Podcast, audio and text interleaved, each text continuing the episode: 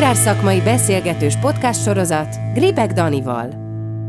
Sziasztok, köszöntelek titeket! Ez itt a Hektár Magágy podcast sorozat. Újabb adásaink, Gribek Dani vagyok, és ezúttal egy angliai utazásra hívlak benneteket, a Danuba Kft. két szakemberét segítségül hívva. A téma a talajvédelem, azon belül is a direktvetés, a köztesvetés – Mielőtt azonban a beszélgető társaimat bemutatnám, felhívnám a figyelmeteket a Hektár Podcast felületeire, ahol követhetitek, meghallgathatjátok a tartalmainkat, mindig értesülhettek a legújabb témákról, Úgyhogy kövessétek a Hektár Mezőgazdasági Podcast Facebook oldalát, kapcsoljátok be az értesítéseket a YouTube-on, Spotify-on, vagy bármelyik más platformon, ahol éppen most hallgatjátok a műsort. No, de hát akkor térjünk rá a mai témánkra. A Danuba hivatalos Facebook oldalán teljesen véletlenül akadtam rá a bejegyzésre, ahol az imént említett angliai szakmai útról ö, osztottak meg néhány fotót, és hát gyorsan fel is vettem a kapcsolatot Zajács István ügyvezetővel, aki most itt is ül mellettem. Először is hát akkor köszöntelek itt a magágyban. Szeretettel üdvözlöm a hallgatókat nem egyedül ülsz itt mellettem, ugyanis a, ha jól tudom, akkor a szakmai utatoknak a szervezési feladatait azt Kammerman Gellért szaktanácsadó kollégátok intézte. Téged is köszönhetlek itt a Hektár Magágyban, úgyhogy üdvözöllek. Köszönöm szépen, én is üdvözlöm a kedves hallgatókat. Nos, hát akkor először egy picit, a, először egy picit az érdeklődést felkeltve, arra szeretnélek titeket megkérni, hogy foglaljátok össze tényleg néhány mondatban, hogy mivel érkeztetek haza, mit hoztatok a, a hátizsákba, ami aztán bekerülhet a magágyba, és, és csírázásnak eredhet, mert hogy a, a posztotokban, a bejegyzésetekben így fogalmaztok, hogy idézek, Rengeteg új élménnyel, impulzussal lettünk gazdagabbak ezen a szakmai úton, hogy új lendülettel vághassunk bele az itthoni szakmai munkába. Nos, hát mik voltak ö, ezek az impulzusok, Gellért? Én elsősorban én a benyomást említeném, amit ö, kaptunk a hozzáállásban, hiszen ö, az angliai, az Egyesült Királyságbeli gazdálkodóknak is ugye a fő feladata az, hogy elvessenek, és utána betakarítsanak. Van sok munkaművelet, amit véghez kell vinni ott is, de ott a, a hozzáállás az a megoldásra törekszik, az új technológiáknak az alkalmazására, adaptálására, úgyhogy én elsősorban ezt a hozzáállást emelném ki. István? Mi minden évben igyekszünk kimenni egy-két-három alkalommal külföldre megnézni, hogy a nyugat-európai gazdálkodók hogyan gazdálkodnak, milyen ott a növénytermesztés, hát tudunk tőlük valamit tanulni. Idén ez már a második utunk volt Angliába, hiszen júniusban kint voltunk a Gronsveli kiállításon, ami szerintem az egyik legmeghatározóbb regeneratív agriculture-höz kapcsolódó kiállítás, aki ez, ez iránt érdeklődik, mindenképpen el kell mennie, nagyon fantasztikus. És azokon az élményeken is kicsit felelkesülve mentünk el Angliába, de ennek van még egy olyan előzménye, hogy a hőgyészi agrokémia sok-sok éve tart szántóföldi bemutatókat a dél-dunántúli gazdálkodóknak. És ott az ottani vezetőkkel beszélgetve gondolkoztunk rajta, hogy mi lehetne az az újdonság, amit be lehetne mutatni 2023 nyarán. Ugye azt már most meg kell tervezni, hogy mi, mi lehet ez, és tudjuk, hogy ők is kezdenek egyre kevesebb talajművelést alkalmazni, látják, hogy a talajuk romlik le, a szerves anyagtartalom csökken, és keresnek valami új módszert, és akkor ajánlottuk a Gellértel közösen, hogy nem lenne kedvük kipróbálni a társnövény köztes, köztes növényvetést, és mondták, hogy de igen, csak erről jó lenne többet tudni. És ugye, hogyha az embernek nincs elegendő információ, akkor mit tehet? Elmegy oda, akik erről többet tudnak. Úgyhogy ez az úgy gyakorlatilag erről szólt, hogy Gellért megszervezte ezt az utat, utána járt melyik a legnagyobb direktvetőgép, gyártó Angliába, kik azok a termelők, akik ezt a technológiát alkalmazzák, és nagyon érdekes volt ezt, ezt látni, ezt ebből ismereteket meríteni, és, és úgy gondolom a mi feladatunk az, hogy ezeket az információkat átadjuk, és adaptáljuk Magyarország viszonyokra, mert mindenképp adaptáció szükséges, mert nem, az, nem ugyanazok a talajok, a klíma, Tehát érdemes, érdemes elgondolkozni, hogy ezt a, én úgy gondolom, nagyon hasznos technológiát hogy lehet a magyar termelőknek is használni. Jó, hát akkor azt végül is megbeszéltük, hogy hogyan indultatok, vagy miért indultatok Angliába, és hát itt ez a köztes vetés, köztes növények, meg ennek a technikai, technológiai oldala, talán ez volt a, a fókuszban. Hát itt említettetek egy, egy, egy vetőgép gyárat, kezdjük talán a, a technikai oldalánál, hogy erről mit lehet tudni, tehát ezek, ezek, ezek milyen, milyen eszközök, hol készülnek, és mire készülnek pontosan Gellért?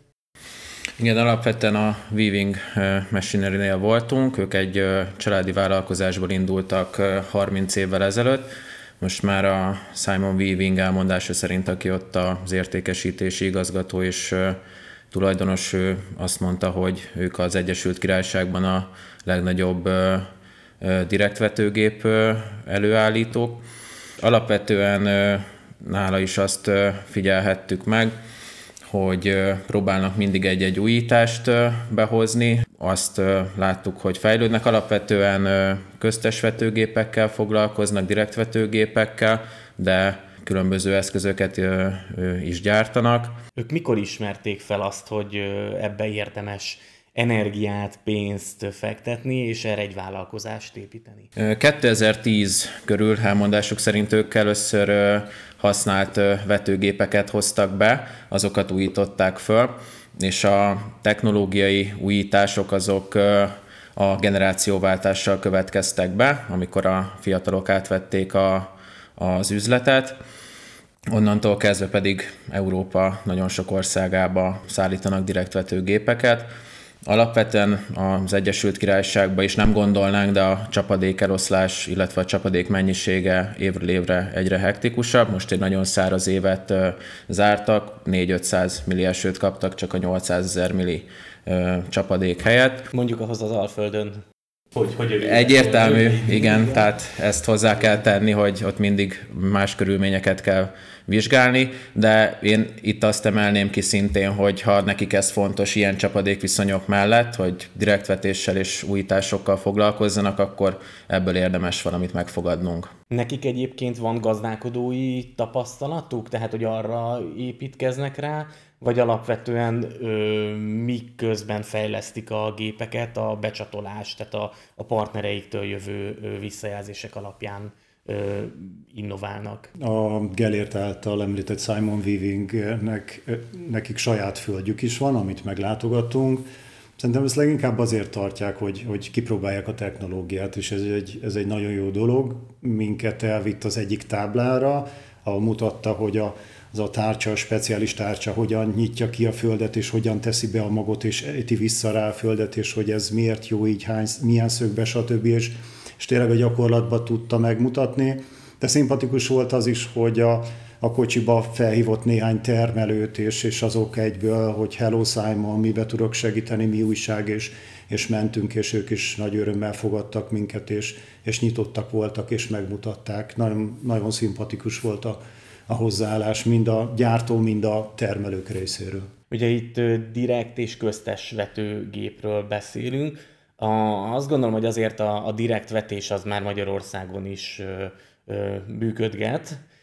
Foglalkoztunk is ugye a, a hektáradásban például no-till technológiával korábban, de, a, de ez a köztes növény téma, hát én még nem nagyon találkoztam ö, itthon ö, ezzel. Ugye itt arról van szó, hogy a fő kultúra közé kerül be valamilyen ö, növény, ezt, ezt, ezt hogyan alkalmazzák Angliába, vagy mi az, amit láttatok, hallottatok? Ugye mi is úgy mentünk ki, hogy rengeteg kérdőjel volt a fejünkben, sőt, többnyire kérdések voltak a fejünkben, nem annyira válaszok, azért mentünk ki, mint hogy tették régen a középkorba is a mesteremberek, hogy kimentek, hogyha valami újat szeretek volna tanulni. És, és sok kérdés, hogy, hogy mikor kell ezt a köztes növényt kijuttatni, milyen növényt, milyen mélységbe, hogy nőnek ezek, milyen a gyomírtás utána a lehetőség. Tehát nagyon-nagyon sok kérdés kavargott a fejünkbe, aminek körülbelül 80-90 százalékára kaptunk választ, de nem mindenre, és azt hiszem, hogy nekünk is, mi magunknak is, meg a termelőknek is a házi feladatot el kell végezni, hogy ezt magunkra adaptáljuk. Ami nekem nagyon szimpatikus volt, hogy ugye a Angliában nincs ö, földalapú támogatás, nem ez volt szimpatikus, hanem, hanem az, hogy ezt a pénzösszeget másképp adják oda a termelőknek, tehát nem automatikusan, hanem azért tenni kell valamit.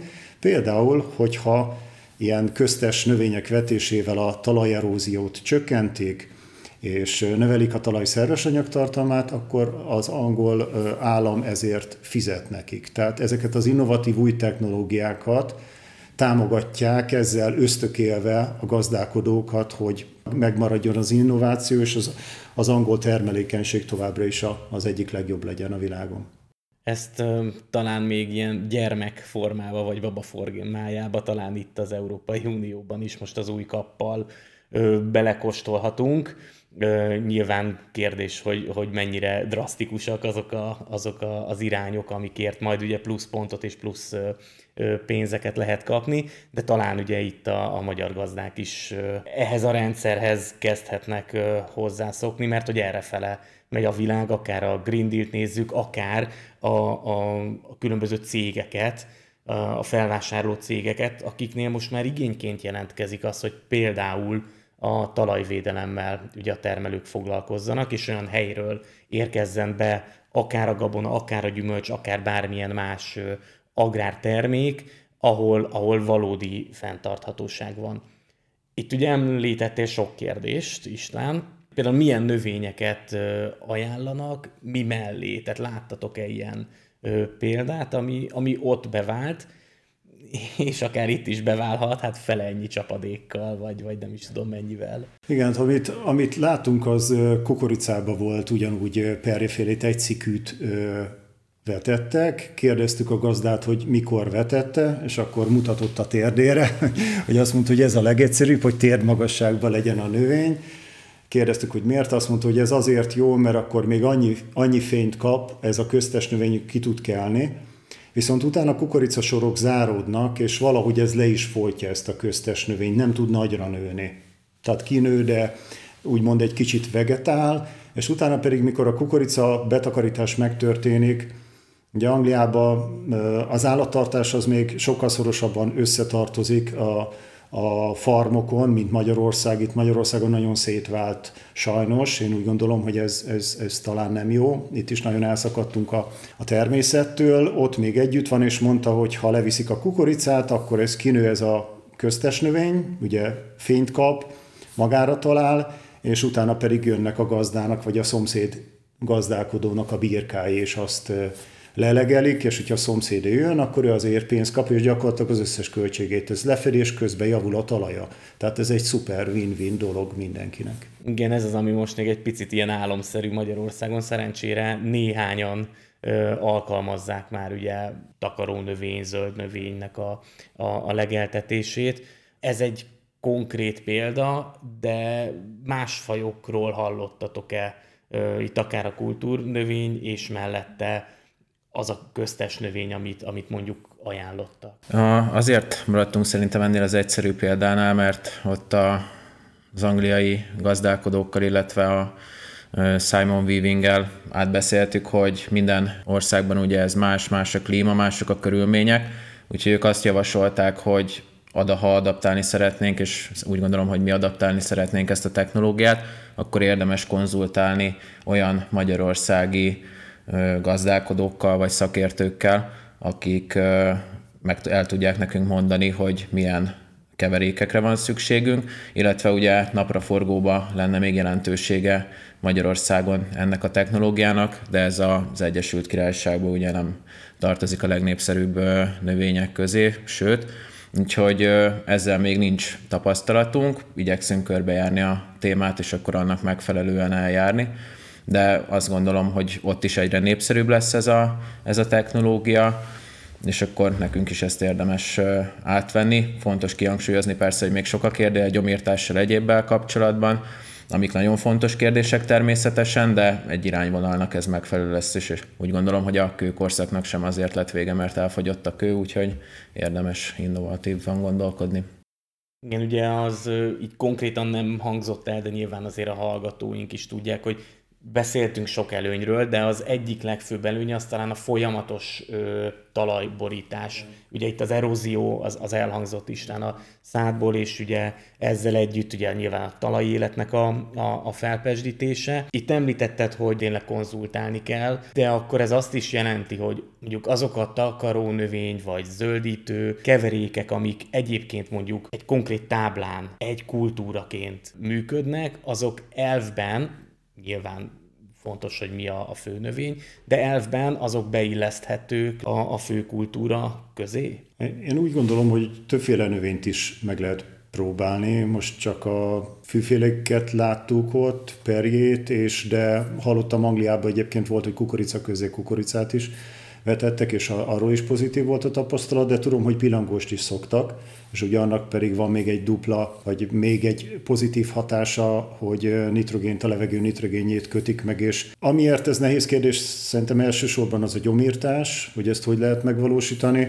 Kukoricába egycikű növényt, köztes növényt, akkor az, az egy, egy könnyebbség a gyomírtás szempontjából, hogy oda egy pillangos tesznek be, akkor az már egy nehezebb dolog, hogy milyen gyomírtás valósítható meg. Ugye egy talajherbicid az, az, hogy szokták mondani, visszabeszélhet, és és kiviheti ezt. ezt. Ezt jól át kell gondolni, hogy mi a gazdálkodónak a technológiája, mi az, ami nála jól működik, de nem most találtuk fel ezt a spanyolvészt. Én mikor gyerek voltam, akkor emlékszem, hogy még nagyanyámmal mentünk kukoricát, akkor még kapával ültettük, és utána mi babot raktunk még mellé, és szépen a bab felfutott de ezt lehet róla olvasni, hogy Dél-Amerikában ugyanúgy az ott lévő ős, őslakosok is használták, és ez egy természetes módszer, és, és én úgy gondolom, hogy a természettől sokkal okosabbat nem mindig tudunk alkotni, vagy legalábbis érdemes odafigyelni, megfigyelni, hogy, hogy az miért működött régen, és, és tanulhatunk belőle. Tehát ha valahogy a pillangós beilleszthető, az még egy óriási előnye lenne ennek a technológiának, Gellért, te jelentkeztél. Igen, igen, én, én annyival kiegészíteném egy kis lábjegyzettel, hogy a Gödöllön folytatott tanulmányaim során földművelés tanból egyébként nekünk tananyag volt ez a köztesvetés, felülvetés, és ott 6-7 módszer fel volt sorolva, és ott is nekem is a kukorica és a bab maradt meg, tehát ez valóban nem most találtuk föl.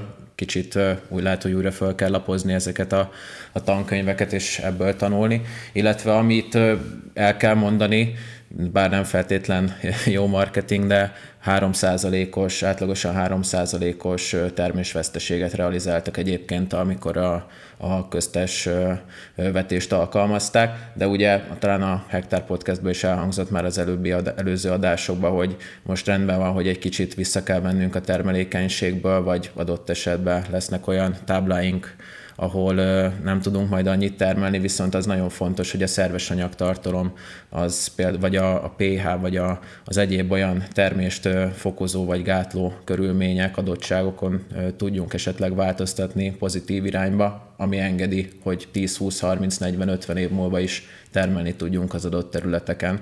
Tehát elsősorban ott Angliában sem a az adott évnek a hasznát nézik ilyen tekintetben, hanem próbálnak egy kicsit hosszabb távon gondolkodni, úgyhogy ezt még kiegészítésként mindenképpen érdemes megjegyezni. És talán ezt annyival még lehet árnyalni, hogy nyilván nem láttam azt a technológiát, ami, ami Angliában működik, de ugye, hogyha például direkt vetésről beszélünk, akkor ugye kevesebb a, a talajművelés, kevesebb a gázolaj, ugye a munkaszervezés része is könnyebb, kevesebb ember kell, adott esetben, tehát lehet, hogy a, a 3% termésveszteség az, amikor egy, egy jövedelmezőséget néz a gazdálkodó, az nem is biztos, hogy mínusz 3 Így van, igen, valószínűleg kompenzálja minden bizonyal. Tehát... Utóban láttam egy olyan ausztrál gazdálkodót, aki, aki a regeneratív agriculture az egyik harcosa, és ő mondta, hogy, a, hogy ez a technológia, ez a lusták technológiája gyakorlatilag, mert sokkal kevesebbet kell kivenni, és ők azt mondta, hogy hárman 1500 hektárt ellátnak. Most 1500 hektárt Magyarországon nem hárman dolgoznak rajta, hanem sokkal többen, és, és azért gondolom, hogy érdemes kimenni, tanulni másoktól. Angliában még viszonylag könnyen ki tudunk menni, nagyon jó lenne mondjuk szakmai utakat szervezni Ausztráliába, hiszen ott óriási szárasság van, ha hagyjuk erdőtüzek, Tehát ők még kevesebb csapadékból gazdálkodnak, mint mi, és, és érdemes tőlük tanulni, mert lehet, hogy az a jövő, reméljük nem, de jobb felkészülni rá. A, a kinti viszonyok kapcsán arról beszéltünk, hogy, hogy milyen a csapadék átlagos évben, és, és most a, az idei a szájos időszakban is mi irigykedünk, hát nyilván ők nem így vannak berendezkedve, de egyébként szerkezetben, rendszerben mi a hasonlóság és mi a különbség egy magyar üzem meg egy angol üzem között? Igen, általánosságban elmondható, hogy ott az üzemméretek azok kisebbek, illetve ugye István már említette, hogy ott állattartással is foglalkoznak, ott a ilyen tekintetben a családi gazdaságok talán többen vannak, előnyt élveznek, ugye ott több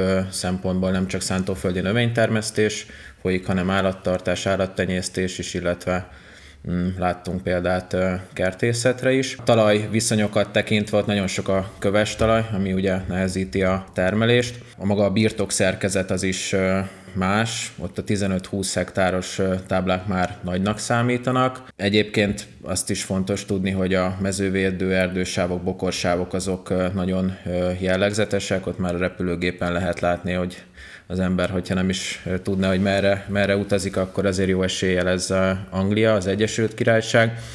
Egyébként ez régi időkre vezethető vissza ez a, ez a birtokszerkezet, ez ott nem alakult át náluk, mint nálunk, de ez is nyilván a, a takarónövények, társnövények, ezek mind-mind népszerűbbek már, illetve az apró vadállomány is meg kell említeni, hogy sokkal jobb életkörülmények között él.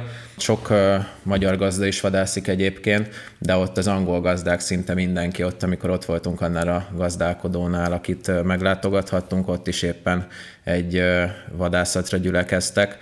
Tehát szerintem ez sokkal jobban összekapcsolódik, tehát ők saját területek, nagyon drága a termőföld, 15-20 millió forint egy hektár jó minőségű termőföld, ott teljesen más a, a birtok szerkezet, és úgy gondolom, hogy egy kicsit ilyen téren a, talán a, a hozzáállás is ott a sajátjuknak tekintik, és a, a, az unokáiknak, a gyermekeiknek szeretnék tovább örökíteni, minél jobb szerves anyagtartalommal, minél jobb adottságokkal a termőföldet, amit ők is úgy örököltek. Ez nagyon érdekes, amit mondtál itt a biodiverzitás kapcsán, ugye, amihez mind az apró vadállomány, mint ugye egyéb fajok kapcsolódnak. Ahogy itt felvázoltad tényleg a, a kis parcellák, a, a köztük akár bokor, akár fasorok, tehát ez, ez, ez tényleg egy olyan, olyan, olyan mm, életközösséget, meg egy olyan ökoszisztémát ö, mutat, ami, ami tényleg akár az apró vasz számára is sokkal kedvezőbb, mint nálunk mondjuk egy 100-200 hektáros olyan tábla, amit aztán ugye mondjuk kukorica után végig megy rajta a, a kombány, és a adott esetben a, a, a mezei nyúl hónapokon keresztül semmit nem talál rajta. Úgyhogy ez is érdekes, és azért is érdekes, mert egyébként ugye itt kiemeltük a folyamatos talajborítást, és a, a köztes növényeknek a, az alkalmazása az vadgazdálkodási szempontból, ha mezényulat nézünk, fácát nézünk, főleg a fogoly kérdést nézünk, akkor, akkor abban nagyon komoly potenciál van. Így van, és a biológiai sokszínűségről volt szó. Itt Magyarországon egyre többen felhagynak a repce termesztéssel, mert ugye a rovar tani helyzet nincs rá megfelelő megoldás, vagy rendkívül nehéz sajnos és sok gazdaságban háromféle növényt rotálnak, és, és, ez, és ez egyre rosszabb, hiszen eh, a sokszínűség tenné gazdagá a talajt is. Nagyon sok kísérlet van, hogy ahogy például a takarónövényekbe a különböző fajtáknak a számát, növények számát növeljük, annál jobban tudjuk növelni a szerves anyagot, a humusztartalmat, annál jobb lesz a talaj egészen 15-20 féle komponensig és ezt lehetne elérni, hogy hiába, hogyha megmarad mondjuk ez a három növény, a kalászos, a napraforgó és a kukorica, de hogyha közzé tudunk vetni még növényt, akár többféle növényt is, akkor egy picit visszahozhatjuk azt a sokszínűséget, és minden növénynek saját mikroorganizmusai vannak a rizoszférába, ami ahhoz a gyökérhez, ahhoz a növényhez megfelelő, de hogyha többféle növény van, akkor többféle változatos lesz a, a talajflóra is. És még egy dolgot megemlítenék, az pedig a mikorizának a szerepe, hiszen a talajműveléssel gyakorlatilag ezeket a mikoriza fonalakat szétszaggatjuk, ez olyan, mint a póknak a lábait levágnánk, tehát gyakorlatilag szegény kis mikoriza kezdheti előről, pedig tudjuk, hogy ez nem csak több millió év óta segíti a növényeket, tápanyagot, több tápanyagot és vizet megszerezni, hanem ugye ez a glomus, a nevük is adja, ez a glomalin nevű fehérjét termelik, ami összeragasztja a talajt, morzsalékos szerkezetet ad, nem poros szerkezetet, és kint Angliába ezek a zöldítő vagy köztes növénykeverékekbe beteszik a mikoriza koncentrátumot, és ezzel már ezzel a lépéssel visszajuttatják a talajba, növelik a mikoriza koncentrációt, tehát még egy plusz hatás, biológia hatást tudnak elérni az állatokat említetted, mint legeltetés, ez főként jó? Jellemzően juhok egyébként, és akkor ott a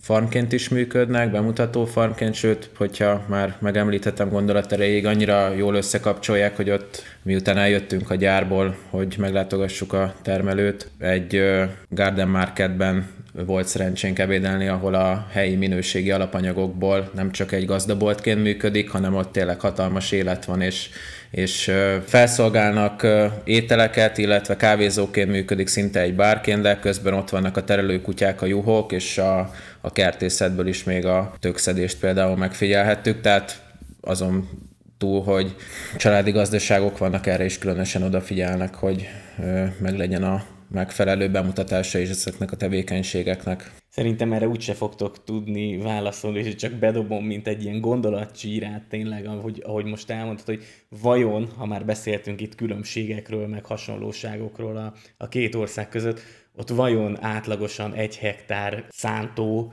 az, az, az vajon mennyi jövedelmet adhat ugye a magyarországi egy hektárhoz képest. Ez, ezen azért érdemes ilyenkor, ilyenkor elgondolkodni, azt gondolom.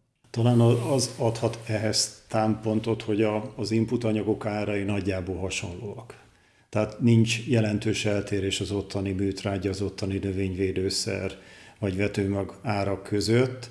E, ami lényeges különbség az, hogy e, ott e, a búzatermés az általában 10 tonna fölött van, ugye a repcetermés is 4-5-6-7 tonna, tehát egy magasabb színvonalon gazdálkodnak. Magyarországon itt még lehetne ezen javítani. Amilyen adottságaink vannak itt a Kárpát-pedencében, mi legalább olyan jók lehetnénk, hiszen mikor már több egyére elmegyünk erre a Gronsfelli regeneratív bemutatóra, többnapos bemutatóra, és ott a direktvetőgépeket mutatják be, és néha fejnagyságú köveket fordítanak ki ezek a direktvetőgépek, akkor összenézünk, hogy Jézus Mária, amelyik vetőgép ezt kibírja, az már tényleg, tényleg jól működik, és hogy ilyen körülmények között is lehetséges. Igenis lehetne előrelépni, lehetne javítani a termelékenységet, fejbe kellene változni sokat.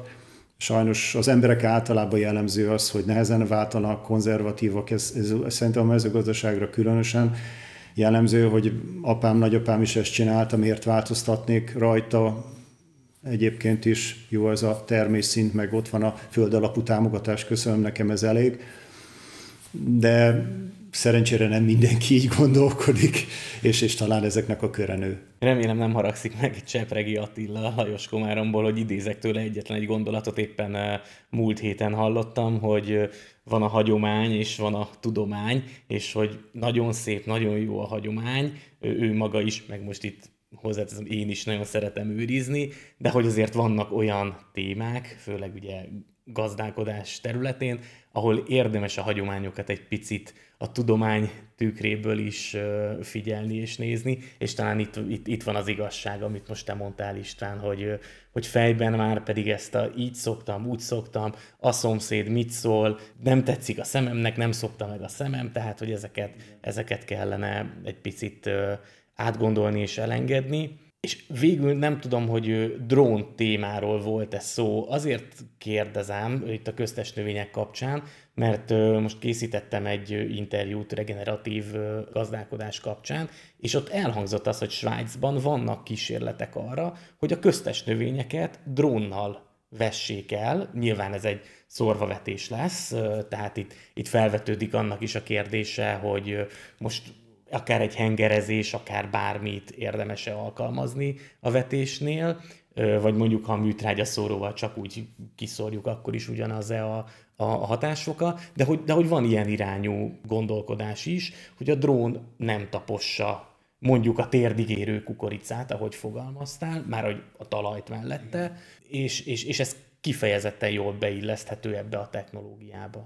Úgy gondolom, hogy a drónt vetésre használni nem lehetetlen, de inkább én azt mondom, hogy szükségmegoldás. Tehát a Simon is azt mondta, hogy kérdeztük róla kint Angliában, ő azt mondta, hogy lehetséges, persze műtrágyaszóróval is akár, vagy drónnal, drónok is alkalmasak, de nem adják azt a minőséget, mint egy, mint egy companion crop, egy, egy intercrop, egy, egy köztes növényvető, ahol meghatározott távolságra a főnövénytől vetjük el, és jobb a kerésbiztonság, biztos, hogy precízebben tudunk, vagy akár itt a weavingnek a gépeire fel lehet szerelni különböző adaptereket, amivel akár precíziósan még tápanyagot, vagy mikorizát, vagy egyéb anyagokat kell lehet juttatni. De egyébként a, a drónok szerepe, én úgy gondolom, hogy a mezőgazdaságban nőni fog. Magyarország apró lépésekkel, de ebbe halad előre. Van, ahol már előrébb tartanak, Svájc Amerika, Ázsia nagy része, Ausztrália, Új-Zéland, ahol, ahol ezek legálisan használható, Magyarországon is most már, hogy elindul a drónos képzés, drónvezetői képzés, nekünk is két kollégánk is januárban fogja kezdeni ezt a, ezt a képzést. Ez egy jó lehetőség lesz a gazdák kezében, ami nem fogja soha kiváltani az eddigi megoldásokat, mint hogy az iPad-ek megjelenésével se tűntek el a nyomtatott könyvek, hanem megtalálja azt a szegmest, azt a részt, ami, amikor ezt e, ideális felhasználni, amikor a legjobb a gazdálkodó számára. Akkor végezetül, hogy Magyarországra mi az, amit e, láttok adaptálni, meg ha, ha jól emlékszem, valahogy úgy fogalmaztál István, hogy ugye azért is mentetek ki, hogy tényleg ezt lássátok, és itthon kipróbáljátok, és ezt a, meg talán Gellért te is mondtad, hogy ezt a technológiát ö, adaptáljátok. Ez, ezek szerint van ilyen célotok kísérletekkel? Mi alapvetően keresünk azokat a megoldásokat, amivel tudunk segíteni a gazdáknak, hogy a talaj szerves anyag tartalma, ezáltal a humusz tartalma is nőjön, hiszen hogyha csak egy százalékkal tudnánk növelni a talaj szerves anyag tartalmát, az 20 mm plusz esőt jelent. Annyi vizet, mintha még esne 20 mm csapadék, ami rengeteg, vagy 20 kg plusz nitrogént jelent a, a növénynek, amit nem kell kiadni, és az most már nagyon nagy költség. Egyébként kísérletezni meg kell az amerikai kukoricavilágbajnok, a David Hula, szerintem mindenki ismeri ezt a nevet, 40 valahány tonnával tartja már szinte követhetetlen saját rekordjai dönti meg évről évre. Egy hektáron már több mint 40 tonnát termel. Egyébként nem tudom, mennyien tudják, hogy cseh felmenőkkel rendelkezik, tehát nem olyan messziről Magyarország mellől. És ő azt mondta, hogy nem lehet annyira öreg az ember, hogy ne kísérletezzen, és legalább egy táblán ne próbáljon ki valami újat. Tehát ő azt mondta, hogy nem szabad, hogy a termelőnek ne legyen egy táblája, ahol egy dolgot ne próbáljon ki, ne nézzen meg, nem szabad beleragadni a, a múltba, mert ahogy a dr. Dobos Endre is mondta nekünk, hogy egy mondatból össze lehetne foglalni, hogy mi a gazdák feladata, akkor az, hogy minél több élő gyökértömeg legyen a talajban, folyamatosan, ha lehet, hiszen azt táplálja a talajéletet, a, a talaj mikroorganizmusokat is, és ezek a köztes növények, ezek ebben nagyon nagy segítségükre lehetnek a magyarországi gazdálkodóknak is. Gellért neked egy ilyen összefoglaló gondolat, vagy, vagy, vagy valami üzenet, ami, ami így megfogalmazódott? Igen, nekem az üzenet, ami átjött, hogy ne féljünk tanulni, hiszen egyébként azt is el lehet mondani, hogy náluk se minden hektáron, sőt a, a terület nagy részén foglalkoznak egyelőre, vagy foglalkoztatnak direkt vetőgépeket, valamint köztes vetőgépeket de ők is e felé haladnak, ezt világosan látják, jó eredményeket érnek el ezekkel a technológiákkal, és szerintem az is nagyon fontos, hogy átvegyük ezeket a megoldásokat, ugye input anyagárobbanásról beszélhetünk lassan két éve, nem látjuk még, hogy hol a vége, defláció, erózió, csak hogy ilyen kifejezéseket bedobjak így a, a végére ezek sem a mi javunkat szolgálják, szerves anyagtartalomat növelni kell mindenféleképpen, ugye az elmúlt évtizedekben ezt sajnos sikerült lecsökkenteni az intenzív mezőgazdasággal, úgyhogy én csak annyit fogalmaznék meg így, így utolsó mondatként, hogy mindenképpen érdemes tanulni, nem szégyen tanulni, és próbáljuk, keressük azokat a megoldásokat együtt, ami célra vezethet, és jobb eredményeket érhetünk el. Kamerman Gellért, a Danuba szaktanácsadója. Köszönöm szépen, hogy beszélgettél velem. Köszönöm szépen a lehetőséget. És Zajác Istvánnak, az ügyvezetőnek szintén. Köszönöm, hogy megosztottátok velem, illetve hát rajtam a podcaston keresztül a magyar termelőkkel a, az angliai tapasztalataitokat, úgyhogy köszönöm szépen. Köszönjük, hogy itt lehetünk. Én pedig köszönöm szépen, hogy a Hektár Magágy podcast sorozatát hallgattátok. Maradjatok velünk továbbra is, lájkoljátok Facebook oldalunkat, kövessetek minket YouTube-on, Spotify-on, Deezeren, iTunes-on, Google Podcaston, több felületen, több platformon is jelen vagyunk. Természetesen lesz a közeljövőben folytatása ezeknek a témáknak, legyen szó köztes növényekről, takaró növényekről, regeneratív mezőgazdaságról, úgyhogy érdemes követni bennünket. Én Gribek Dani vagyok, és örülök, hogy ezt a több mint fél órát együtt töltöttük el, akár a traktorban, akár a kocsiban, akár otthon. Ne felejtjétek, óvjátok a talajt és a környezetünket, sikeres gazdálkodást kívánok, és ne felejtjétek el követni a Hektár podcastot a különböző fórumokon. Sziasztok!